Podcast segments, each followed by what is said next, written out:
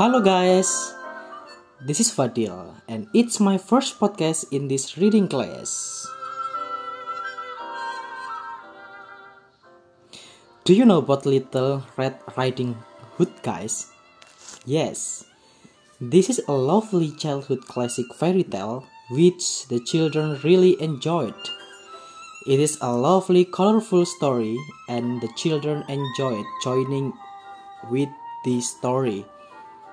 This book is about a young girl who goes to visit her grandma but needs to look out for a crafty wolf. Here, the tale of Little Red Riding Hood has been rewritten by Kathy Cotton. Mrs. Hood, who owns the tea shop in the fairy tale village, makes a red cloak for her daughter. Then the story continues. What makes this book different from every other one of the same title is the stunning combination of illustration and design. It is unique too to the challenge for young readers to discover characters from other fairy tales within the artwork. This is encourage interaction and stimulate interest. It is immediately visible that this is not an ordinary children's book.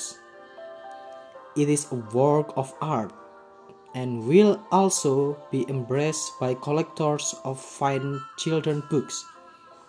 Of course, I love the book for its intricate and delicate artwork, the full page drawings, and the way certain words were present in bold and angry font to indicate a change of voice and create tension and surprise. A great deal of thought has been put into a presentation of this edition. I hope it is get the record recognition it deserves.